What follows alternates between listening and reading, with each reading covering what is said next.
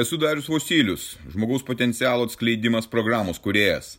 Tai mano gyvenimo kelionės patirtis, kuri gali padėti tau atsikratyti ribojančių įstikinimų, nelaimingumo, priklausomybių ir pradėti gyventi aukščiausios kokybės gyvenimą. Registruokis pokalbiui dariusvosylius.lt ir pradėk šiandien savo pokyčius.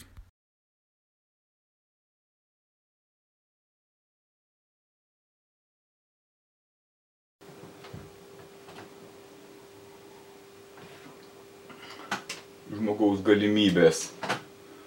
Ką gali žmogus išėjęs už savo galimybių ribos. Prisiminiau labai galingą istoriją. Jis atsitiko prieš tris gerus metus. Tai 18 metų istorija.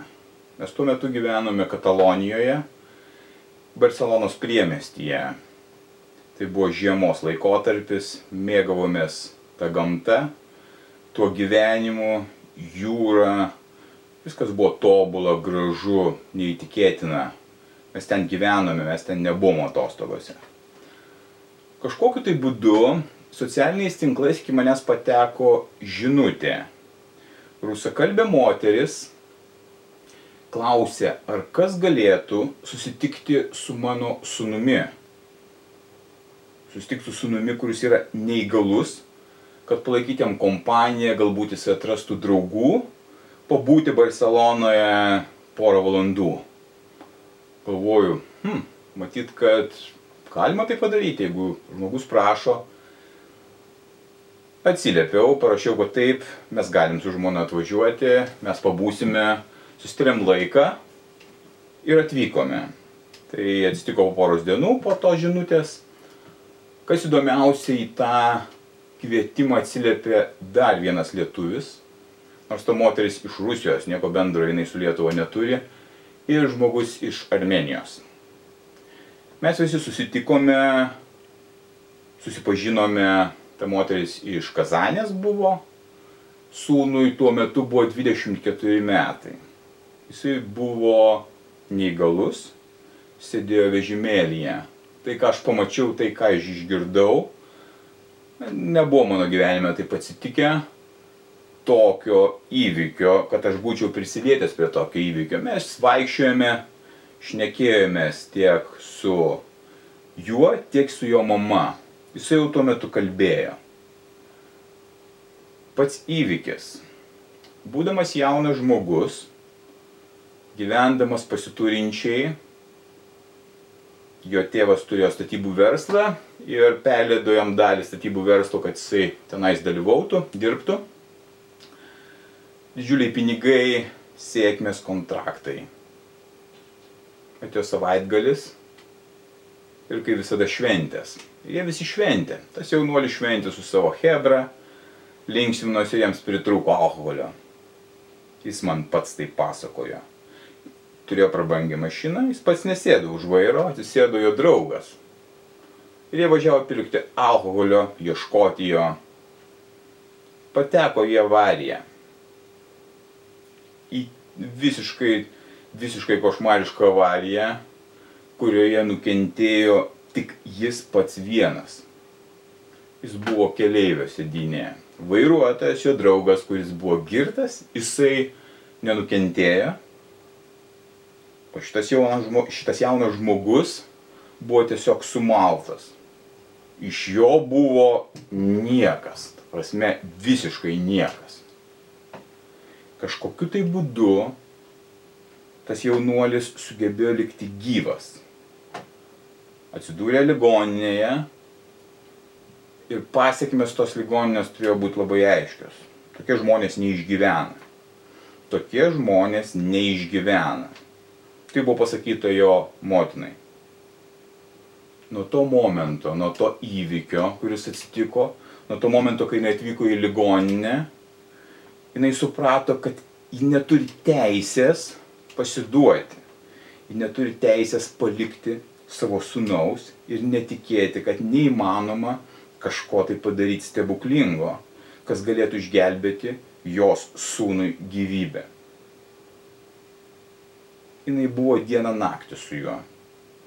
Jinai visais įmanomais būdais stengiasi palaikyti jį, nors jis komoje gulėjo šešis mėnesius. Jis ieškojo gydytojų, kurie galėtų jį sulibdyti atgal. Tiesioginė ta žodžio prasme sulibdyti atgal tą žmogų. Iš jo buvo viena krūva kažko tai, bet jisai sugebėjo likti gyvas, kaip fizinis kūnas, jis liko gyvas. Jis jį libdė. Gydytojai vienas paskui kitą atsisakė jo, jo gydimo, jo tolimesnės priežiūros, ką galėjo tą padarė, kiek galėjo tiek sulibdė, sakė jokių šansų. Jokių šansų. Tu moteris sugebėjo nepasiduoti ir eiti toliau. Griuvo jos santoka su vyru. Vyras tiesiog neapsikentė to ir paliko ją. Jis ėjo toliau pati viena. Jis paukojo savo gyvenimą, paukojo viską ir ėjo toliau, kad padėti savo sūnui. Rusijoje atsisakė tolimesnio jo gydimo to jaunuolio. Nėra jokių galimybių išgydyti ar taikyti kažkokias terapijas, tai neįmanoma. Jis niekada nekalbės, jis niekada nevaikščios, jis niekada nebebus žmogumi. Ir jinai darė tuos žingsnius, kurie buvo reikalingi jos manimui, kad įvyktų stebuklas jinai ieškojo visoje Rusijoje, nerado, kas imtųsi gydyti ar kažkaip tai statyti ant kojų. Tada jinai susirado kažkur Europoje, bet vėlgi kažkas atsisakė, ar tai Olandija, ar tai Danija. Susirado Ispanijoje kažkokią tai kliniką, kuris sakė, atvežk sūnų, mes bandysime kažką tai daryti, kad jį statyti kažkokiu būdu ant kojų, kad jis pradėtų kalbėti. Galbūt per ilgą laiką, per dešimt ar kiek metų mes galbūt sugebėsime jį pastatyti ant kojų, kad galbūt vaikščios. Jis nuvežė ir įsikūrė Ispanijoje, tai yra Katalonijoje, Barcelonoje. Ta klinika irgi po kurio laiko atsisakė, sakė, mes neturime jokių vilčių ir tu neturėk jokių vilčių. Pasibaiginėjosi pinigai, ir neieškojo visų būdų, kaip galima būtų toliau padėti tam sūnui. Jis buvo dieną naktį prie savo sūnaus. Surado dar kitus gydytojus, dar kitus medikus, kurie sakė, gerai, mes padėsime tau. Ir po dviejų metų, po dviejų metų, tas žmogus jaunas pradėjo kalbėti. Tuo metu, kaip mes susitikome, jeigu neklystų, tai buvo jau treti metai, jis kalbėjo. Aš galėjau suprasti, ką jis kalba. Ir jo kalba galbūt buvo neaiški, bet jo sąmonė buvo aiški. Jis pasakojo netgi su humoru apie tai, kas įvyko, nors jo veidas visas perkeitas ir jis tuo metu dar nevaikščiojo. Motina ieškojo visų galimybių, kad toliau gerinti jo būseną. Kai jis pradėjo kalbėti, pamažu, pamažu darė įvairias terapijas, kad jis galėtų pradėti judyti vieną ranką, pradėti judyti vieną pirštą, pajudinti kaklą ir panašiai. Jis ieškojo visų galimybių finansinių, kaip galima būtų ten būti, nes kitur jos niekas nepriemė, niekas ją netikėjo. Tas žmogus kiekvieną mėnesį stiprėjo. Po mūsų stikimo, gal po metų, jis atsistojo ant kojų ir pradėjo vaikščioti. Keturi metai. Keturi metai visiško aklo pasiaukojimo, kai atrodė, kad nėra jokios vilties, kad tai neįmanoma padaryti nei finansiškai, nei jokiom kitom priemonėm. Ta moteris padarė neįmanomus dalykus man tai tada atrodė, wow, nu tikrai tai yra neįmanoma. Aš greičiausiai taip nesugebėčiau padaryti. Aš kalbėjau ir su ją, ir su juo. Man jų istorija buvo viena įspūdingiausių mano gyvenime.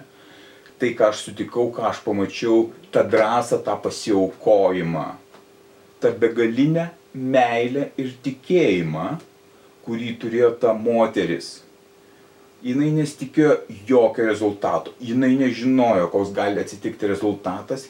Ji tiesiog darė viską, kas yra įmanoma ir kas yra neįmanoma. Tai tas, kas yra neįmanoma ir padarė tą stebuklą.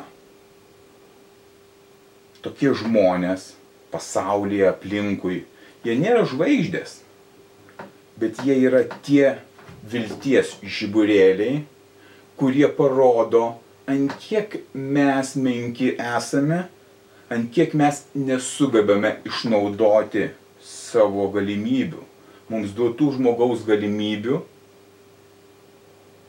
ir parodė man dar kartą, dabar, vad būtent einant šituo mano keliu, ieškant žmogaus potencialo atskleidimo galimybių, kad mūsų ribos nėra jų ribų, jos yra mūsų galvose. Mes turim iš tikrųjų neribotas galimybės. Viskas priklauso nuo mūsų mąstymo.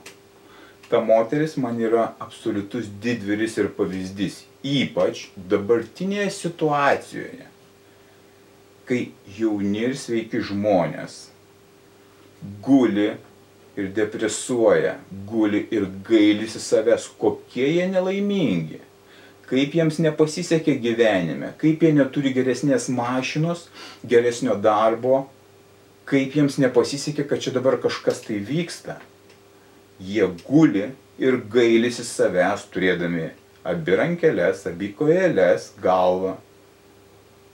Jie gailisi savęs, jie tokie nelaimingi, jie valgo vaistus nuo nerimo, nuo depresijos, jie geria alkoholį, jie sėdi, žiūri serialus ir bėga nuo savo gyvenimo jie tinginiai, jie aptukę, jie visiški nevykėliai ir gailisi toliau savęs.